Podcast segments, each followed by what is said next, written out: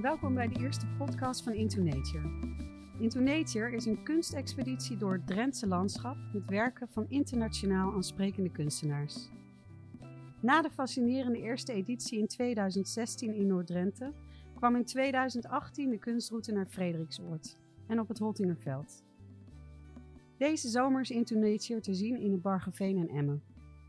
Mijn naam is Helen Abma en vandaag gaan we in gesprek met artistiek leider Hans Hartog Jager en kunstenaar-fotograaf Awoska van der Molen. Welkom allebei. Dank je. Dankjewel. Um, Hans, ik begin even met jou. Ehm, jij bent uh, voor de tweede editie op rij artistiek leider van Into Nature. Hans schrijft sinds 1994 als kunstcriticus voor an onder andere het NRC Handelsblad.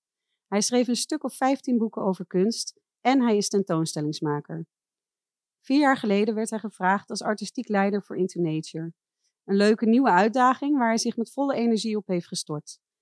Door zijn vele internationale contacten in combinatie met de kennis van andere curatoren weet hij veel talentvolle kunstenaars naar Bargeveen te trekken.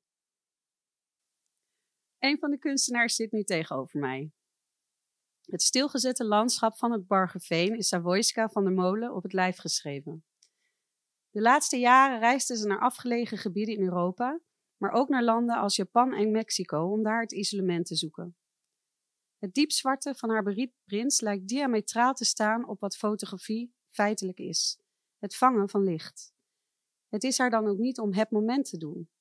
Eerder lijkt ze de eeuwigheid te willen vangen, in foto's die de plaats van herkomst niet verraden, maar die er eenvoudigweg zijn. Verstilling, die zonder opsmuk doordringt tot de kern van ons zijn. Um, Hans.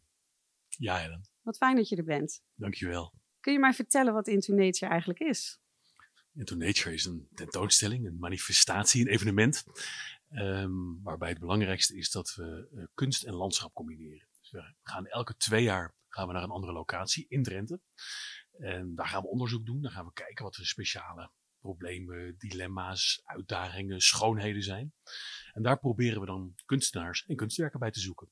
Dus het leuke is dat het altijd heel specifiek is. We, we, we zoeken niet wat kunstenaars en die plempen we in de natuur neer. We proberen echt een dialoog aan te gaan tussen de specifieke omgeving en de kunstenaars die we zoeken. En dat maakt het altijd spannend, want je moet elke keer opnieuw beginnen. Hè, elke keer je de, de, de omgeving eigen maken. Maar het is ook heel erg leuk, omdat daarmee die kunstenaars een nieuwe blik, een nieuwe visie op die omgeving werpen. En als het goed is, gaat het dan over het lokale, maar eigenlijk ook over de hele wereld uiteindelijk. En waarom is het Bargeveen dan bij uitstek een uh, goede plek om kunst te tonen? Nou, ik moet wel eerlijk toegeven, toen ik hier voor het eerst mee naartoe genomen werd, schrok ik wel even. Dacht, jeetje, wat zit hier leeg. En ruig en prairieachtig en kaal. En woe. On-Nederlands? Nou, ja, eigenlijk wel een beetje on-Nederlands. Ik noem het altijd plagerig als ik in een melige bui ben, zeg ik het is een combinatie van een prairie en een moeras.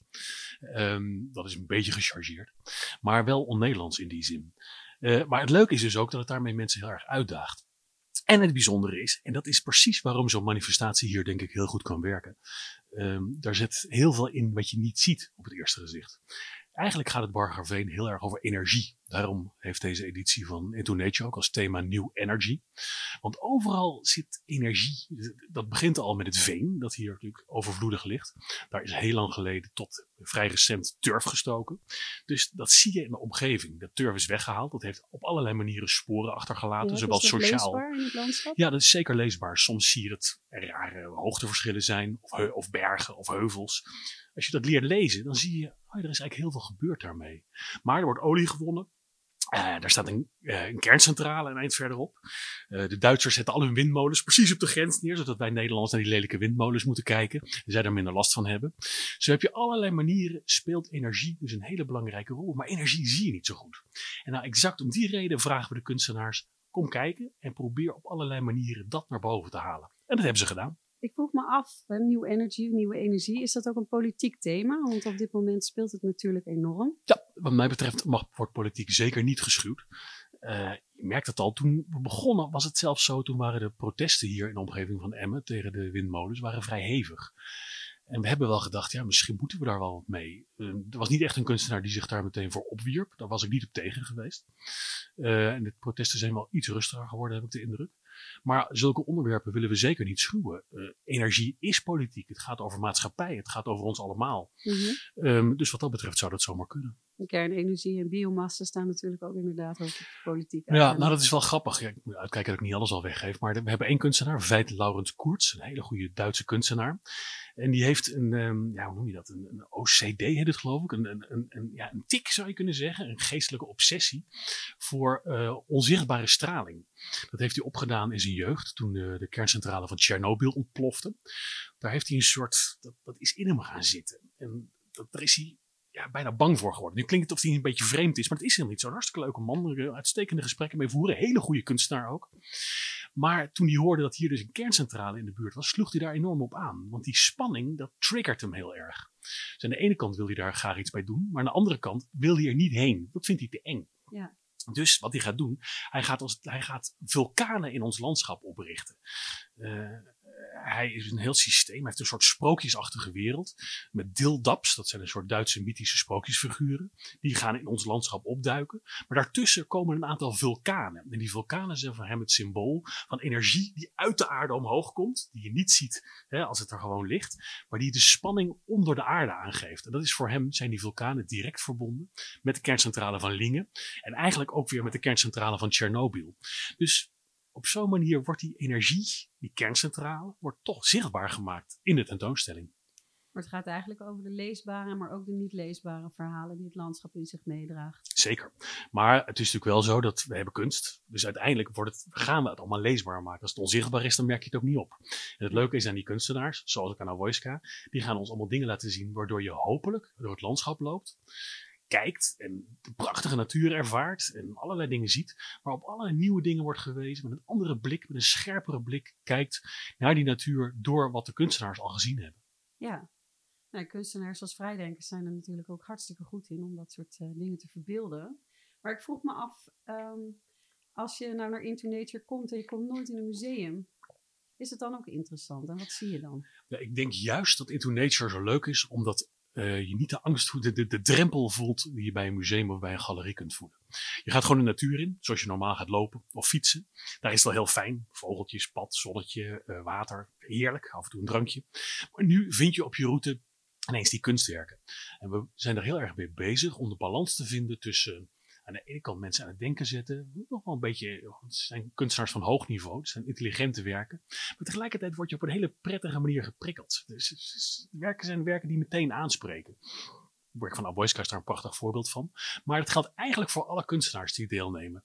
En het is op heel verschillende manieren. Noem maar, ik noem maar een heel wild voorbeeld. We hebben de Engelse kunstenaar Roger Hirons. Die uh, is nogal beroemd. Die is ooit genomineerd geweest voor de Turner Prize. En die is, dat is echt een kanon in Engeland. Die doet mee. En die doet altijd, altijd dingen met energie. Met dingen die je wel of niet kunt zien. Hij is bijvoorbeeld bekend geworden, je kunt het je bijna niet voorstellen, met het feit dat hij verschillende vliegtuigen heeft begraven. Dan, uh, dan neemt hij een vliegtuig, dan zoekt hij een plek uit en hij begraaft dat vliegtuig. Een groot gat in een tuin of in een, bij een museum. Aarde eroverheen, één ding, dan ligt er een vliegtuig onder de grond. Dat in Bargeveen toch? Dat gaat hij niet doen. Bij ons gaat hij iets anders doen. Bij ons gaat hij een enorme scheepsmotor in het Bargeveen neerzetten. Dat klinkt heel gek. Wat je ineens bedenkt, een scheepsmotor. Hoe ziet een scheepsmotor er eigenlijk uit? Ik weet het niet. En het geeft ook het gevoel van het stranden van iets. Van de ark van Noach. Van er is iets ergens op het land terechtgekomen wat er helemaal niet hoort. Hoe komt het daar eigenlijk? Wat, wat wil het daar? En daardoor ga je anders kijken. En het ding is heel groot. Het is 6 meter. Alles staat er erop en eraan. En dus krijg je een heel vreemd gevoel van vervreemding. Ja. En dat soort dingen gaan we proberen. Ja, als je het zo vertelt, dan is het ook bijna een apocalyptisch beeld. Zeker. Het, het, zou ook kunnen dat onze aarde al ingestort is, de apocalypse heeft plaatsgevonden en zo'n scheepsmotor van verre is achtergebleven. Maar snap je, het is helemaal niet moeilijk, want het is gewoon een fantastisch ding. Een scheepsmotor. Wie zie je die nou? Wanneer zie je die nou ooit? Dus dan kun je omheen lopen, je kunt je verbazen. Daar gebeurt van alles mee. Ja. Avoiska. Hoe is het voor jou als je de hele wereld al bent overgereisd om in het Bargeveen te mogen landen? Ehm, toen ik werd uitgenodigd om uh, hier aan deel te nemen, uh, dacht ik, ik inderdaad nooit een heel serieus werk gemaakt uh, op, op de Nederlandse grond, uh, Noord-Nederlandse grond. Ik kom zelf uit Groningen. Um, ik ben eigenlijk mijn, het landschappelijke werk dat ik ben gaan maken, zocht ik altijd meer in het zuiden van Europa of het noorden van Europa, maar weg van de, van de vlakte waar, ik ben opgegroeid in Groningen. omdat ik vaak zocht naar een zekere wildernis. Niet dat ik er nou helemaal zou moeten kunnen verdwalen. Ik, ik zoek niet de jungles van Brazilië op of zo, maar het moet altijd wel een beetje, ik moet wel de weg kunnen terugvinden als ik door het landschap meander. Um, en natuurlijk in Nederland, uh, sommige stukjes zoals natuurlijk het Bargeveen wordt bewaard, want dat is dan het, het, het jonge wild eigenlijk. Maar er is altijd de mens voelbaar en de, en de maatschappij. Dus ik zoek altijd naar dat stuk waar ik me. Uh, waar er geen controle meer lijkt te bestaan. Ja, in Nederland kun je wel dwalen, maar verdwalen is best moeilijk. Ja, kan niet, nou, kan niet eens dwalen, denk ik. en ken je Bargeveen al? Nee, helemaal niet. Ik was hier nooit eerder geweest. Um, en het klopt ook, de eerste paar keren, uh, wat, wat Hans net ook vertelde, het is een heel, ik vond het een heel taai stuk om me te kunnen voorstellen wat hier dan uit voort zou komen. Um, en dat meestal laat ik eerst gebied op me inwerken waar ik dan ook ben. En dan misschien daarna zoek ik op, niet altijd hoor, maar wat er voordien is gebeurd. En natuurlijk was dat hierbij heel duidelijk wat dit eerder voor betekenis heeft gehad. Maar um, ik vond ook. Uh, uh, ik las dat soldaten van Napoleon uh, weer terugkeerden naar Frankrijk en dat zij over dit gebied wandelden en dat zij dat, dat was zo onherbergzaam, dat noemden zij het Siberië van Europa. Dus het is mooi wat jij net benoemde, Hans, ook hoe je het gebied beschreef. Uh, en ik denk dat ik dat. Ja, ik was wel. Maar dat is dan ook heel spannend. Ik dacht, wat. Het is onprettig. Ik kan me hier dus helemaal niet. ik, ik, ik, ik vind geen veiligheid in heuvels of in bergen of in. geen geborgenheid te vinden in, nee. in het landschap en, daar. En er zijn wel een, staan een paar grote oude bomen. Maar die staan er dan weer ook zo zelfstandig dat dat ook niet natuurlijk allemaal in mijn onbewuste een, een, een wens is naar me kunnen uh, inwentelen. Wat dan een wens is om het te kunnen laten omarmen, bij wijze van spreken, door het landschap. En... Maar probeer je het landschap dan eigen te maken? Wil je het annexeren? Moet het iets van jou worden? Nee. Nee. Um, Nee, maar ik moet me er thuis kunnen voelen. Uh, maar dat heeft niet te maken met, met eigen maken, helemaal niet. Ik zie het nog steeds als, een, uh, als iets, ook al probeer ik mij er, er senang of thuis te voelen. Het, het, hoeft niet van mij te worden of, of mijn eigen te maken. Maar als je het nu vertelt, dan klinkt het alsof het in eerste instantie een onheimische plek is. Um, nou, ik wou vertellen dat die eerste paar keren dat het heel lastig was om uh, er toegang tot te krijgen. En ik denk dat bij de, bij de derde of vierde keer dat ik terugkwam, toen was het ook uh, was het, uh, mistig. En eigenlijk die eerste keer was het, de allereerste keer was het prachtig weer. En dat vind ik ook eigenlijk minder aantrekkelijk, want dan heb je en dat gele, op dat moment dat gele stro of het gele riet en dan die hele blauwe lucht en dan uh, mooie oppervlakte schijnsel van het water. Dus dat is dan eigenlijk in die zin weer bijna het esthetisch, zeker om te fotograferen voor mij.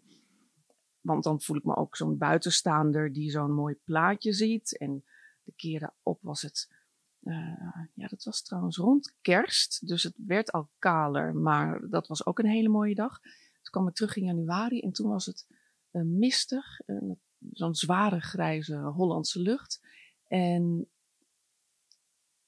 ja, dit is al meteen uh, het, het eigenlijk het uitleggen wat er dan natuurlijk zo psychologisch en intuïtief ook werkt op een, uh, of in ieder geval op mij. Want dan um, is het alsof dat ook allemaal aansluit of dat helpt mee met een gemoedstoestand die daardoor wordt opgebouwd. Dus ik fotografeer nooit letterlijk wat ik zie, al zie je wel op het beeld een verbeelding van het landschap, maar dat sluit dan aan bij een gemoedstoestand die ook weer wordt ja, opgebracht of, of bewerkstelligd door die plek daar waar ik ben.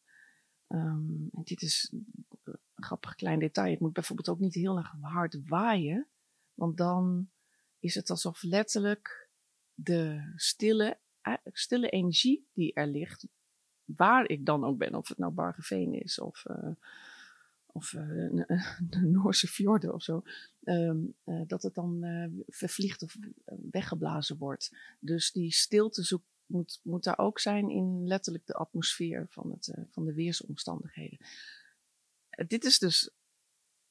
Uh, het zijn natuurlijk allemaal ehm, hele on, ontastbare um, elementen die, en situaties die invloed hebben op, op mij. En dus ook het moment waarop ik de camera uit mijn tas haal. Want ik loop hele, want ik loop niet steeds door mijn zoeker te kijken. Want dan ben ik heel erg bezig met dat, met dat ding en die lens en die.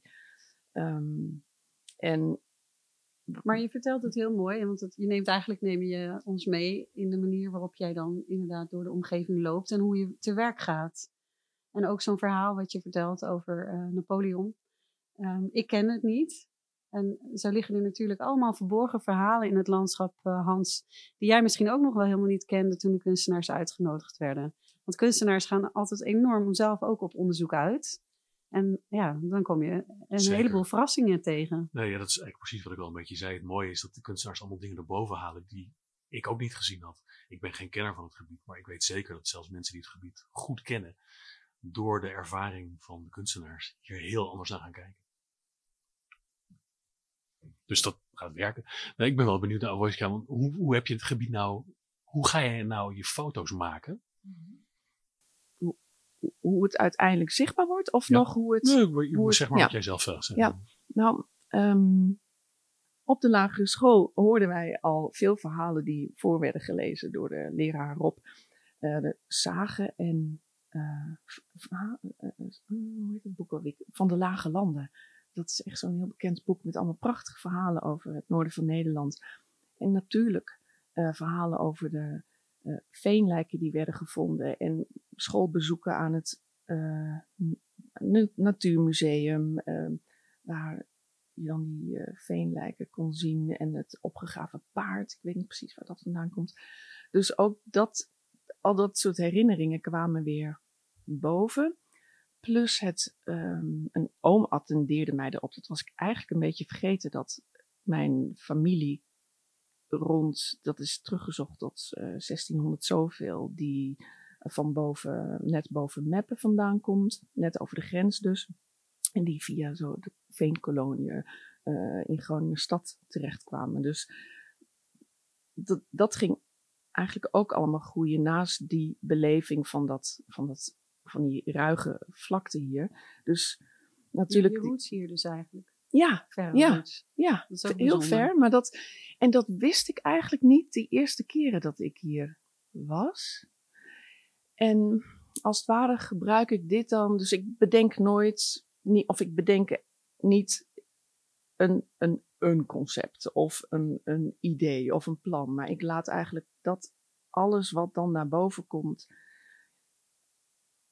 heeft natuurlijk invloed op mij ook toch wel hoe ik kijk, maar ook hoe ik dan daarna de beelden selecteer of hoe ik ook bedenk hoe ik het wil gaan presenteren.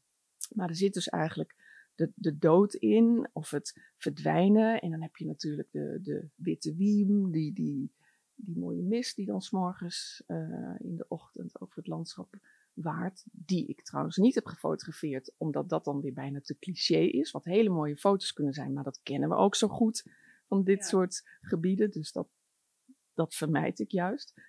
Maar daarin zit ook dat, dat verdwijnen en dat opkomen. Maar het, uh, uh, ook het conserveren wat het veen doet. Of het nou dierlijke resten zijn of menselijke resten zijn. Dat, um, plus ook de wetenschap dat je op, op honderden jaren natuurlijk stukken grond loopt. Ik heb een stuk grond gefotografeerd en dat is dan 60 centimeter veenlaag. Dat is het diepste wat ik kon vinden aan die laagjes veen. En dat is dan, dan kijk je eigenlijk tegen 600 jaar aan. Dat Dan zie je dan ook die aardlaag echt? Zie je de verschillen in de grond? Ja, je ziet heel mooi, alsof het zo'n, zo'n uh, hoe heet het, die Indische koeken. Dan zie je Ah, heel mooi al die ja. Precies, het is al die, die mooie laagjes, maar dan Het is heel ook erg dun. leesbaar dus. Ja, die, die, die, ja, als een soort jaarringen, maar dan in die, in die grond. Ehm, en ja, ik heb wel, wat wel een mooie overeenkomst is, is dat wanneer ik ook buiten Nederland fotografeer, ga ik altijd probeer ik zo ver mogelijk naar het verste puntje waarvan ik denk in dat gebied dat het voelt als het, laatste puntje, het eh, eh, einde van de, van de wereld. Ook al ligt er een, een eh, ander stuk gebergte aangrenzend of een ander land. Maar, en dat ervoer ik hier ook wel heel sterk. Dus het was heel goed om te ervaren dat ook. Eh, het, het is nog steeds anders, maar dat, maar dat dit me ook een mooi werk heeft opgeleverd, zo dicht bij huis eigenlijk. Ja. Ehm, En normaal dan, dan eh, druk je je foto's af. Ja, daar heb je een eigen procedé voor, eh, waar, waarmee je je foto's laat zien. Hoe ga je dat straks in Bargeveen doen? Ja, ik. ehm, dat, dat vluchtige en het verdwijnen en er iets wat, iets wat er wel was en niet meer is, wat is er nog voelbaar? Ehm, het is misschien nog maar dan 80 of 100 jaar geleden. Dat was het dus een ontzettend druk gebied met stoomtrammen en ehm, een smalspoor en lorries. eh, ehm, en eh, allemaal arbeidershuisjes. Dus dat is ook weer eh, iets wat je misschien vergeet als je nu over dat gebied loopt. Dus, eh, en ik geloof heel erg dat er dan nog, dat al die energieën op een of andere manier, of misschien wil ik dat wel geloven, maar dat het op een of andere manier nog rondwaart. Het is heel vreemd hoe die golfbewegingen natuurlijk gaan. Het was een soort, als het ware, een soort Siberische grond, zoals zelfs die soldaten het benoemden, die uit Rusland kwamen notabene. En die herkenden het opnieuw, terwijl ze hier door dit gebied wandelden. Ehm, en dan wordt het ontzettend bedrijvig en nu is het weer helemaal in stilte teruggebracht. Die vervlogen, dat vervliegen en eh, hetgeen wat niet meer zichtbaar is, dat verwerk jij in je presentatie van je foto's. Ja, ik dacht meteen, ik wil niet dat het op een, op een fotopapier wordt afgedrukt en dat we dat dan eh, ha- half in het water hangen, bij wijze van spreken. Of ehm, ehm, dat je foto's neerplemt in het landschap. Dus ik, ja, en dat het- was daarna het proces. Dus bij het maken van dat werk wist ik al, het moet niet een vaste, moet niet een vast beeld zijn wat hier ergens maar, eh, waarvan je dan eigenlijk voelt, maar waarom de, het materiaal moet, nee, wacht. Eh, bij het maken van het werk had ik al wel voor ogen, natuurlijk niet precies hoe in de techniek, maar dat het beeld aanwezig moest zijn, maar ook, ook dat het beeld aanwezig moest zijn, maar ook kon vervliegen als het ware. Dan kun je dat niet. Ja, dan moet jij niet zeggen. Ik probeer je te helpen. Nee, maar maar luid hoor. Nou, je moet me ook, want even zoeken. Want ik word, als ik eronder word, eh, ik moet, ik moet inderdaad echt gewoon even, even zo. eh, ja, nee, maar bedankt voor het helpen. Maar eh, ik praat altijd heel erg nadenkend, ook al weet ik het wel, maar dan zoek ik hoe het te formuleren. Ehm, dus in het begin dacht ik, zou ik het misschien kunnen projecteren, maar dan wordt het misschien ook wel weer te filmisch en dat is weer te lucide. En misschien is dat wel te veel, alsof het een soort mist is die weer verdwijnt. Maar ehm, en zo heb ik, ja, kwam ik bij verschillende materialen. En in het begin dacht ik, ehm, ik ben wat testprints gaan maken op, eh, op plastic. Maar dat voelde als een heel vreemd materiaal om dat in het landschap op te hangen. En dan wappert het nog. En dat deed me dan weer te veel denken aan tentzeil en zo. En dat, dat is. Precies, douchegordijnen, ja. Dus dat is dan weer dat proces met, met hoe, hoe werkt dat dan? En zo ben ik uiteindelijk eh, op een hard transparant materiaal ehm, gekomen. En dat is het drukken op glas. En ehm, nu, terwijl wij dit gesprek hebben, ehm, zijn we aan het kijken hoe we dat dan ook werkelijk in het landschap met, waar ook natuurlijk heel veel wind eh, is, hoe dat hier veilig en goed bevestigd kan worden. Ehm, dus ik ben nu bezig eh, ook nog met testprints, eh, hoe, hoe het het beste op het glas zichtbaar is. Nou ja, spannend. Want dat gaat natuurlijk ook heel erg spelen met het weer en de omstandigheden straks.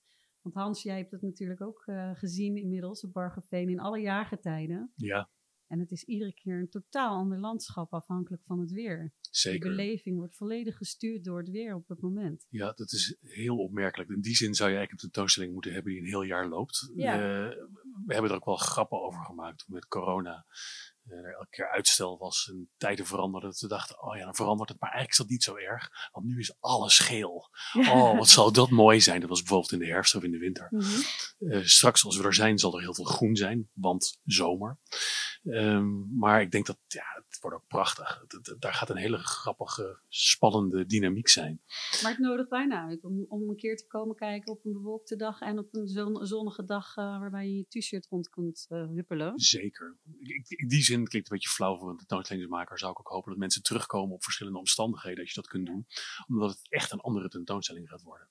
Maar dat vind ik aan Oasis werk zo mooi. We hebben natuurlijk de definitieve versie nog niet gezien. Maar wat ik er heel spannend aan vind is dat ze zo speelt met het feit dat een foto een moment stil zit. En dan heb je het gevoel dat hij als het ware stolt. En eh, eh, ja, heel erg een beeld is geworden. Iets wat, waar je omheen kunt lopen, bij wijze van spreken, wat vaststaat. Maar doordat ze nu op glas gaat drukken, gaat ze, gaan die foto's de dialoog aan met de natuur. Ja. Je kunt door de foto heen kijken, waardoor het ook bijna een wit wief van zichzelf wordt, of een herinnering.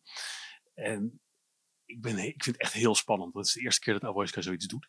Ik ben heel benieuwd hoe dat gaat werken. Ik denk dat het heel bijzonder gaat worden om te ervaren dat een foto iets is wat ook kan verglijden. Of wat ook ja, bijna door je vingers heen kan glippen. Ja, En exact dat soort belevingen, daar zijn we naar op zoek. Het is prachtig dat die vluchtigheid en vergankelijkheid eh, dan allemaal samenkomt in één werk. Ja, dus ik, ik, ik heb, uh, Wojska kijkt nu heel erg of er een hele grote druk op haar wordt gelegd. Dat is, dat is ook zo. Nee, maar het is, zo- het is een heel spannend moment. Eh, ik weet niet.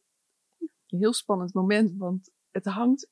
Ja, nee, dit moet ik eigenlijk niet zeggen. Want dan zeg ik, ik- het hangt en staat met de ophanging. Het hangt en staat met hoe we het neerzetten. Het hangt en of staat met hoe het gepresenteerd wordt. Ja, nee, maar dat moet eruit. Want dan, dan denk ik, voor de grap doe ik. Ik ben natuurlijk zelf ook Gronings. Dan, dan, dan, dan zie ik zo mensen door het gebied lopen van. Nou, of, of ze die luisteren de podcast. Ja, nou, het hangt of staat dus helemaal naar. Ik vind, ik voelde helemaal niet wat ze allemaal zegt. Dus- Het is een heel mooi verhaal.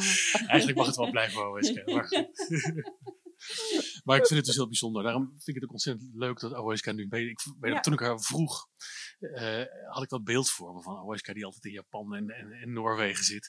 Die moeten we eens een keer naar het Bargerveen brengen en kijken wat er dan uitkomt. En volgens mij werkt het dus echt geweldig. Het is zo mooi om te horen ook inderdaad. Avoiska is dan een Nederlandse kunstenaar, maar je hebt natuurlijk kunstenaars straks van over de hele wereld die meedoen. Ehm, dat voor de, eigenlijk voor iedereen denk ik eh, de, de ontmoeting met Into Nature en Bargeveen de eerste keer is dat ze er zijn. Ja, dat is wel leuk. We, hebben, eh, we stellen eigenlijk min of meer verplicht aan alle kunstenaars, hoe beroemd ze ook zijn, dat ze wel een keer moeten komen. Ja, Want en dat ze is moeten de- gelukt. ja, dat is gelukt. Er- Geweldig. er is één, de- de- Ottobong de Kanga, die op dit moment echt super beroemd is en die iedereen wil hebben, die doet dus mee. Ja, Maar die heeft nog niet de gelegenheid gehad om zelf te komen. Eh, haar man is geweest, met wie ze veel samenwerkt. Dus die heeft al wel foto's gemaakt. En nu, door corona, komt ze volgende maand eh, komt ze ook nog hierheen. Dus dan is ze de laatste die eh, nog even komt proeven van het gebied. En wat ik zelfs ontzettend leuk vind, dan heb je kunstenaars Marguerite Humeau, Nina Canel. Dat zijn mensen die over de hele wereld exposeren. eh, aan grote biennales meedoen. En die halen we dan op. Eh, ik heb Marguerite opgehaald op vliegveld Eelde. En dan, kn- dan knorren we hierheen eh, in mijn autootje. En dan gaan ze hier rondlopen en dan zijn ze allemaal, wow, dit is mooi. Je voelt ze als het ware dat ze die energie naar binnen trekken. Want er gebeurt echt iets bijzonders. Je kunt het, als je het zo voor de eerst ziet, denk je, ja, het is wel heel leeg en heel kaal. Hè, en ook een beetje, on, beetje ongemakkelijk. Maar juist omdat het niet zo aangeharkt is en niet zo heel plezierig, voel je dat mensen ja, onder spanning komen te staan. En denken, hier wil ik wat mee, hier wil ik iets uithalen. En ik denk dat dat heel erg mooi aan het lukken is. ja want eh, het is natuurlijk ook heel interessant voor, voor mensen die ehm, komen kijken straks om te weten hoe die kunstenaars nou geselecteerd worden. Je noemt nu heel veel namen. Ja. Ehm, internationaal, eh, internationale kunstenaars met naam en faam. Maar je werkt met een team van cura- curatoren. En hoe komen jullie dan samen tot de juiste keuzes? Want dat lijkt me best ingewikkeld. Ja, dat, dat is eigenlijk het allerleukste werk natuurlijk. We, we zien allemaal veel. Mijn, uh, mijn curatoren ook en ik ook. En je gaat dan zitten met het thema, het idee in je hoofd. En op basis daarvan denk je, ja, die kunstenaar heeft, zit een beetje in die hoek. Die werkt met energie, of die werkt met geschiedenis, of die werkt met archeologie, of die werkt. Je, je probeert een soort verwantschap met de thematiek en de natuur in oeuvres te zoeken.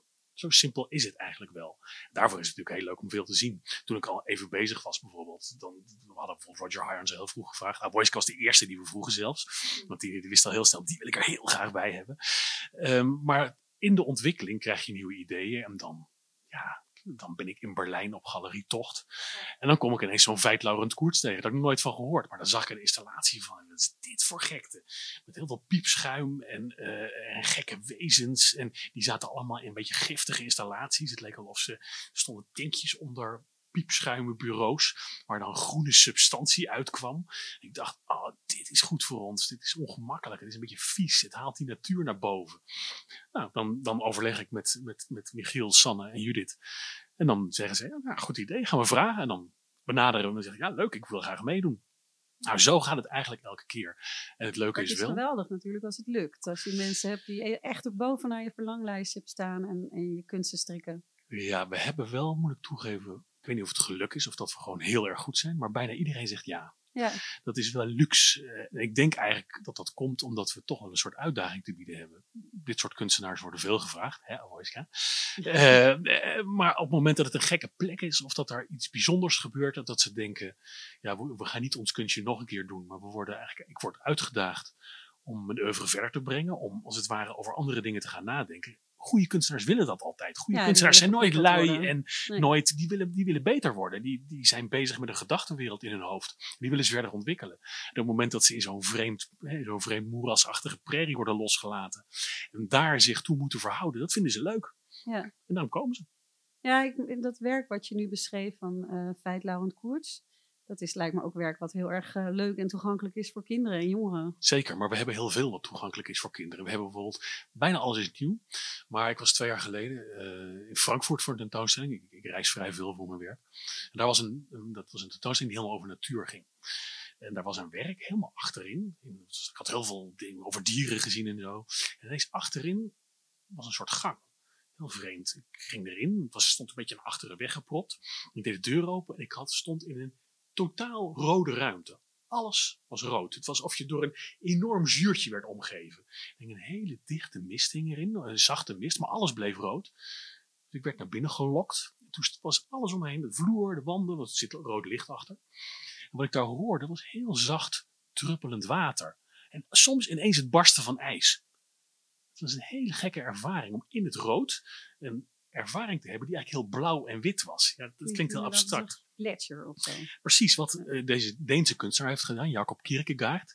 Die uh, is eigenlijk een geluidskunstenaar. En die had het smelten van gletsjers op Groenland opgenomen. En om dat je extra sterk te laten ervaren, heeft hij dat, dus speelt hij dat geluid af in die intens rode kamer. Ja. Nou, toen dacht ik, ja, wat gek dit. Maar het is eigenlijk heel mooi, omdat je hier ook het gevoel, het veen ontstaat bijvoorbeeld. Daar heb je water voor nodig. Dat, dat, dat druppelt naar beneden. Dat, dat, dat is nodig om goed veen te laten ontstaan. En die natuurlijke processen vind hij zo mooi. Dus die heb ik benaderd van, kunnen we niet dat werk laten zien? Nou, dat gaan we ook doen. Maar waar het nu in een museum stond, komt het straks midden in de natuur. Dus dan heb je de, alles is groen. En dan heb je alsmaar door het groen gelopen en dan stap je ineens een knalrode kamer binnen. Iedereen die iets van kunst weet, weet dat groen en rood complementair zijn. Dus dat zijn kleuren die een beetje met elkaar botsen, die als het ware een, wringend gevoel geven. Dus, dus ik denk dat dat heel. Ervaring, dat wordt echt een fysieke ervaring als je het over kinderen hebt. Maar voor iedereen. Je, je wordt dus als het ware diep in dat rood ondergedompeld. Je hoort die gletsjers smelten. En als je weer naar buiten gaat, dan ga je heel anders naar de wereld kijken. Daar ben ik van overtuigd. Ja. Dus je neemt mensen mee en een andere manier van kijken met al die werken aan zich. Ja, nee, je hebt een heleboel belevingen in één route. Exact. Dus in die zin hoop ik ook inderdaad wat je straks al vroeg, dat mensen niet bang zijn voor moeilijk of ingewikkeld. Het zet je aan het denken, maar het zijn ook hele intense ervaringen meestal. Ja. Je ligt nu al iedere keer een tipje van de sluier op met het aanstippen van wat kunstenaars. Maar dat maakt het heel uitnodigend om te komen natuurlijk. Maar ik vroeg me wel af, um, straks is er een route in de Bargveen. Tegelijkertijd zijn er ook routes uh, in Overijssel, de IJsselbiennale, um, in Sonsbeek. Doen jullie, doen jullie het samen met hun? Nou, we overleggen. We hebben contact over marketing en publiciteit onder andere. Maar wat ik er zo leuk aan vind, is dat het ja, ik het zeggen, het geeft de rijkdom aan die er in Nederland mogelijk is aan kunst. De, de IJsselbiennale heeft vooral veel Nederlandse kunstenaars en die zijn uitgestrekt via een hele lange route langs de IJssel. Dat kun je niet in één dag doen. Dus het is een hele andere ervaring. Sonsbeek is juist heel internationaal, maar veel conceptueler. Die zijn bezig met geluidskunst en uh, die, die zoeken het veel meer op een wat museaal conceptueel niveau. Terwijl wij ons heel erg wortelen met iets bekendere, uh, soms ook wat populairdere, hele goede internationale kunstenaars die zich wortelen in het Nederlandse landschap. Dus eigenlijk bestrijken we met z'n drieën een beetje het hele ja, perspectief van wat de kunst kan bieden. Iedereen doet het op een andere manier. En ik denk dat we elkaar in die zin heel mooi aanvullen. En ik vind het te gek dat je straks dus, dan heb je een lente en een zomer. En je kunt het hele land door. En overal kun je op een andere manier kunst ervaren. En zien hoe kunstenaars met dingen omgaan. En allemaal site-specific, toch? Ja, het is allemaal site-specific. Ik denk, als ik eerlijk mag zijn, dat uh, Sonsweek zeker dat ook doet. Maar die zijn volgens mij wel meer bezig met de kunstenaars zelf. Sonsweek heeft natuurlijk dat park en heeft de omgeving. Ja. Maar die zijn vaak minder bezig met met, uh, met specifiek de plek. Dat doen ze wel wat mee. Het wordt minder uitgediept, zoals in Bargeveen, al die Denk verhalen. Ik, maar zij hebben natuurlijk fantastische kunstenaars, uit, ook juist heel internationaal. Terwijl wij juist heel erg in die plek gaan graven. Mm -hmm. En de IJsselbiennale zitten altijd langs de IJssel. Maar die is zo groot dat ze daar op allerlei manieren een hele mooie dynamiek kunnen laten ontstaan. Dus ik ben heel positief. Ik vind het juist, ik hoop eigenlijk stiekem dat mensen denken, we hebben de zomer, we kunnen toch niet zoveel weg en we gaan ze alle drie af. En dan ja. lekker kijken en vergelijken en verdiepen. Dat zou fantastisch Ja, want nieuwe energie, we hebben natuurlijk uh, een hele rare tijd achter, onze, achter de rug. Into is ook uitgesteld geweest. Uh, in, nieuwe energie en corona, dat uh, gaat naadloos samen. Ik denk dat iedereen staat te springen dat we straks weer naar buiten mogen. Ja, ik, ik, denk dat onze tentoonstelling daar heel goed bij past. Dat was wel grappig, want na, de, na het eerste uitstel, we hebben er twee gehad, hadden uh, Sanne, Judith en Michiel en ik het ook wel over. Van ja, moeten we nou, uh, moeten we nou nog andere werken doen voor corona? Moeten we nou, moeten we de tentoonstelling aanpassen? En toen gingen we kijken en toen merkten we dat heel veel werken eigenlijk al gaan over verandering en transformatie. Dus dachten ja, dat is precies wat er aan de hand is. Dus waarom zouden we ons druk maken? Het klopt eigenlijk al. En dat vind ik altijd zo mooi en echt goede kunstwerken daar, heb je, daar, zitten zoveel lagen in en zoveel diepte. Dat hoef je niet meteen te ervaren. Maar je beseft dan dat, die, dat je er op verschillende manieren naar kunt kijken. En als de tijd verandert, verandert dan veranderen ze vaak bijna vanzelfsprekend mee. Dan is het net of ze nog steeds passen in die tijd. De dingen zijn veranderd. Maar ik, ik, verheug me nu al op de werken van Avoiska. Omdat ik het gevoel heb dat waar jij begon, begon te werken, dat na corona mensen er op een andere manier naar zullen kijken. Maar ze ja, misschien nog wel indringender worden. Omdat juist die ervaring van het lege landschap en een bepaald dieps gevoel, wat er toch zeker in doorresoneert, dat mensen dat denk ik heel sterk zullen ervaren. Kun je daar iets bij voorstellen of vind je dat niet zo belangrijk? Het is zo interessant uh, om te horen dat natuurlijk, we zijn een jaar verder waarin er zo'n uh, impact is geweest, waardoor het werk, alle werken die je beschrijft, of de kunstenaars die je net hebt beschreven, um, en dat jullie bespraken uh, dat het. Uh, wat ik wil zeggen is. it's in the eye of the beholder. Dat wordt dan zo duidelijk. Want um, wat je dat is met, ja, ook, ook met veel kunst aan de hand. Wat je erin wil lezen of hoe je zelf als persoon bent of hoe, hoe je psyche in elkaar zit. Zo dat nou, beïnvloedt natuurlijk voor een groot deel hoe je ook kunstwerken ervaart. Dus zeker zal werk anders zijn ervaren een jaar geleden dan uh, nu anderhalf jaar verder. Dat is wat ik aan het denken was. Uh, Um, dan ben ik je vraag ook verder kwijt. die, die, vraag doet er absoluut niet toe. Nou, mag ik nog wat vragen? Ik ben, ik ben wel heel benieuwd, want waar zoek je? Ik heb het altijd zo fascinerend gevonden in jouw werk. Je gaat overal naartoe. Je, je, je beelden zijn heel intens, maar ook heel sober. Is er toch iets waar je, waar je op aanslaat, waar je naar zoekt als je een foto gaat maken? Ja, ik denk dat het niet eens um, ik reis naar andere gebieden voor mijn werk om ook mentaal mijn huidige plek achter me te laten. Of het drukkere gebied wat Nederland is. Of misschien wel omdat het vlak is. Uh, maar vooral wel omdat het um, snel afleidt en vol is en druk is. En pas wanneer. Stel, ik rij naar het zuiden van Europa, dan begint het voor mij echt stiller te worden uh, op, het, uh, op, het, de grote vlakte in het, uh, van Spanje. Um, maar ik vind het niet eens zo belangrijk om te benoemen waar ik fotografeer en welke landen dat zijn. Want dat is nooit terug te zien in het werk dat ik maak. Alleen heb ik zelf misschien die reis nodig ook om, uh, om, een, om een kop leeg te maken. Wat iedereen zal kennen als je op vakantie gaat. Pas na een dag of vijf, zes val je misschien in een ontspanning. Want eerst moet je uh, je, je, hoofd langzaam leegmaken. Al is dat tegenwoordig lastig, want we blijven steeds bij de actualiteit natuurlijk door dat kleine computertje wat we altijd uh, bij ons hebben.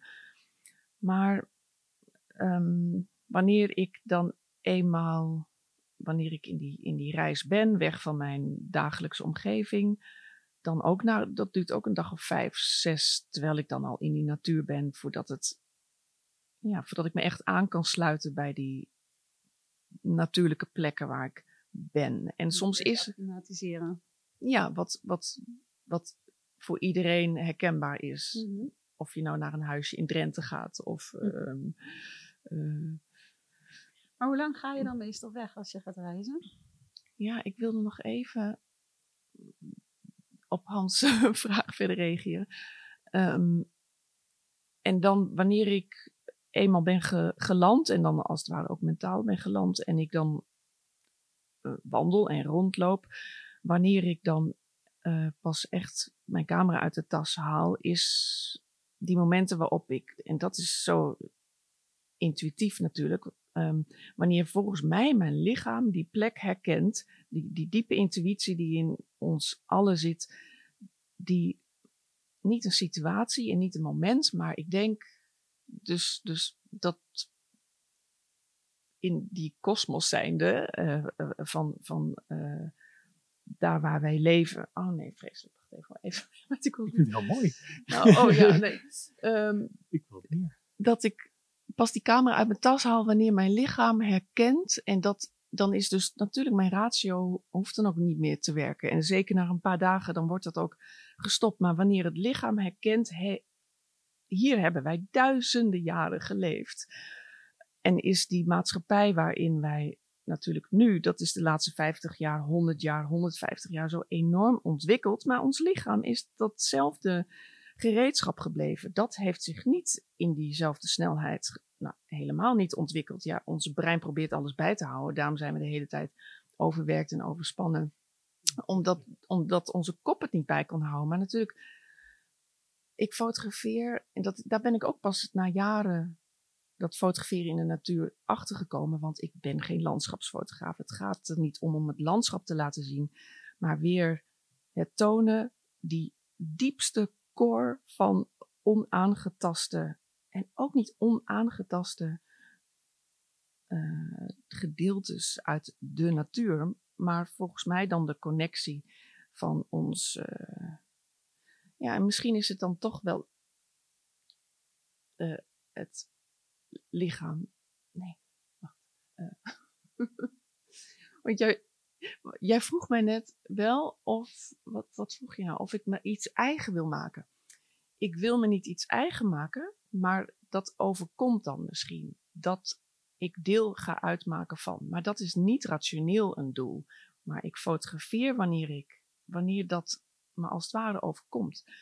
En dit, dit gaat nu bijna natuurlijk spiritueel klinken, terwijl dat ook niet een um, uitgangspunt is. En spiritueel kan misschien ook wel vaak een soort. Spiritueel klinkt. Klinkt ook wel als een soort van oer. Juist heel oer, erg met je benen precies. op de grond. Ja, maar misschien wordt dat vaak ook wel als iets spiritueels benoemd. Wanneer je dan zo samen lijkt te uh, komen met die plek in de natuur. Of Volgens mij heeft het alles te maken met aarde. En is dat wat je doet. En daarom was ik ook benieuwd hoe lang je dan gaat reizen. Hoe lang ben je dan op zo'n plek? Ja, nou, ik meander door door.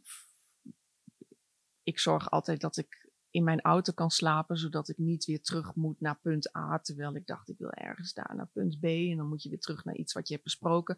En daar heb je natuurlijk dan weer mensen met wie je communiceert en dat leidt weer af. Dus ik ben het liefst een, uh, ongeveer 2,5 week werkt goed voor mij. Als het um, na twee weken, of eerst is het erin komen, een dag of vijf, en dan een, ongeveer een twee weken ben ik heel erg in die focus.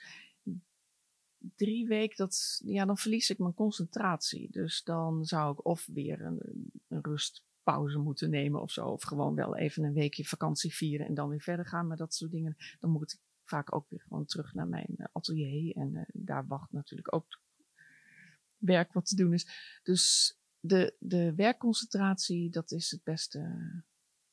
Het klinkt als een enorme samengebalde uh, artist in residency die je zelf organiseert.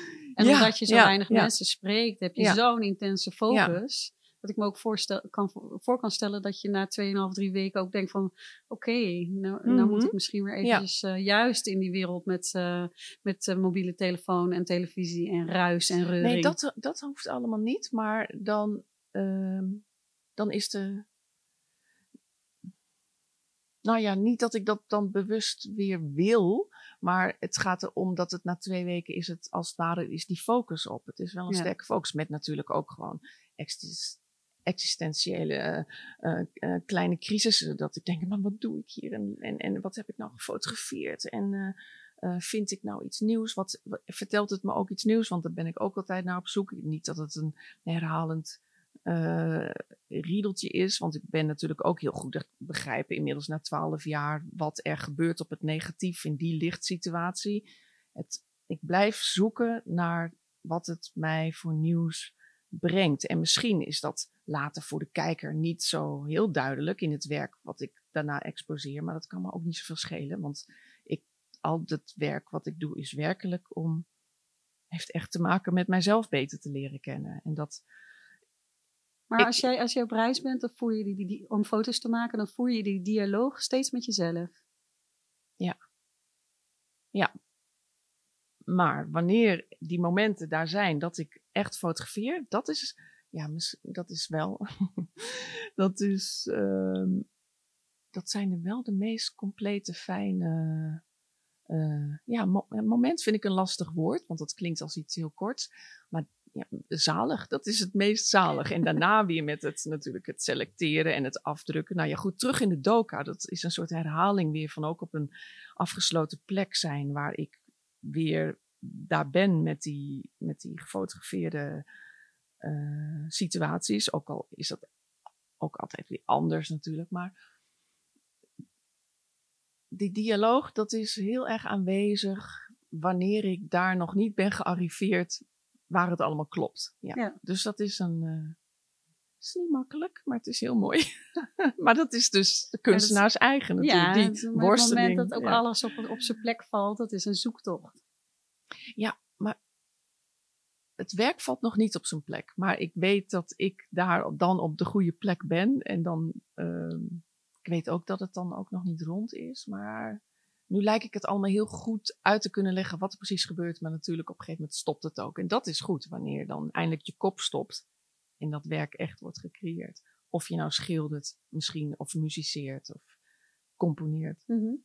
Maar het is leuk, de manier waarop je het vertelt neemt mensen mee uh, in jouw blik en in je manier van verblijven op een plek. Dus het maakt heel erg voelbaar uh, straks als mensen naar je werk kijken, hoe jij, hoe jij nou ja, zoekt en, en, ja, en je begeeft in een omgeving.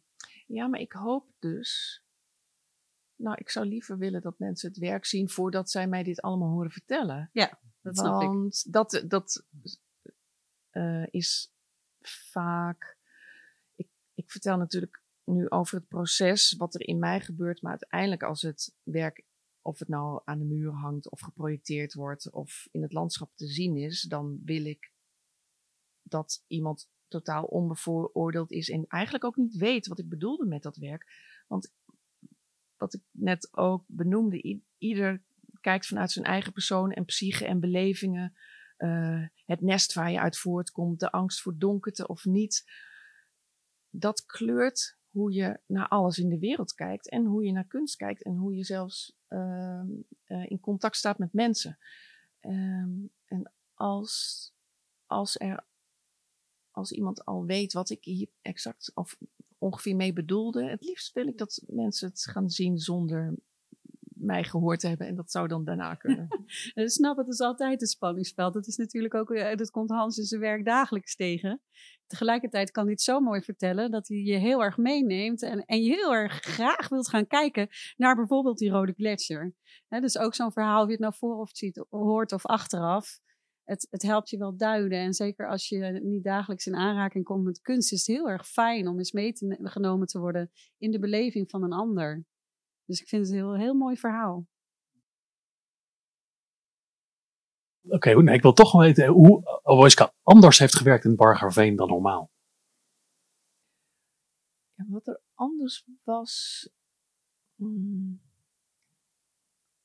dat toen ik die eerste keren hier rondliep, ik had mijn camera wel bij me, maar ik fotografeerde ook helemaal niet. Dat ik wist, dit worden geen ik ga, dit wordt niet werk wat ik daarna op fotopapier in de doken ga afdrukken.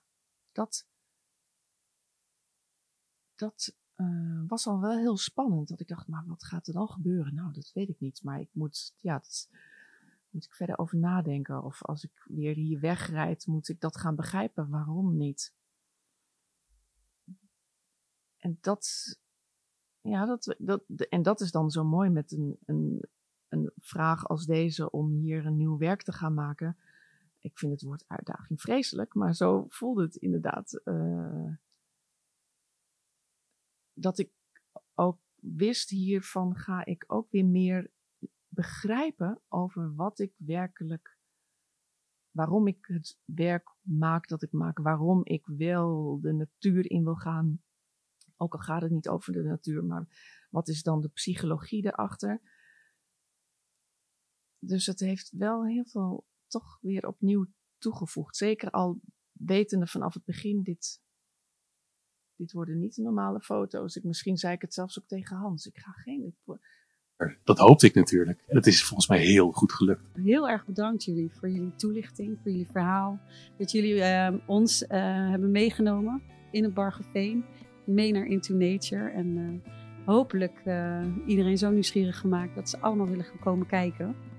Into Nature is te zien vanaf 31 juli. we kunnen niet wachten tot het zomer is. Binnenkort verschijnt de volgende podcast van Into Nature. En Hans is er dan in ieder geval ook weer bij.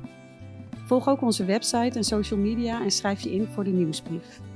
We hebben binnenkort ook meer informatie over het programma, eventuele arrangementen en verschillende fiets- en wandelroutes.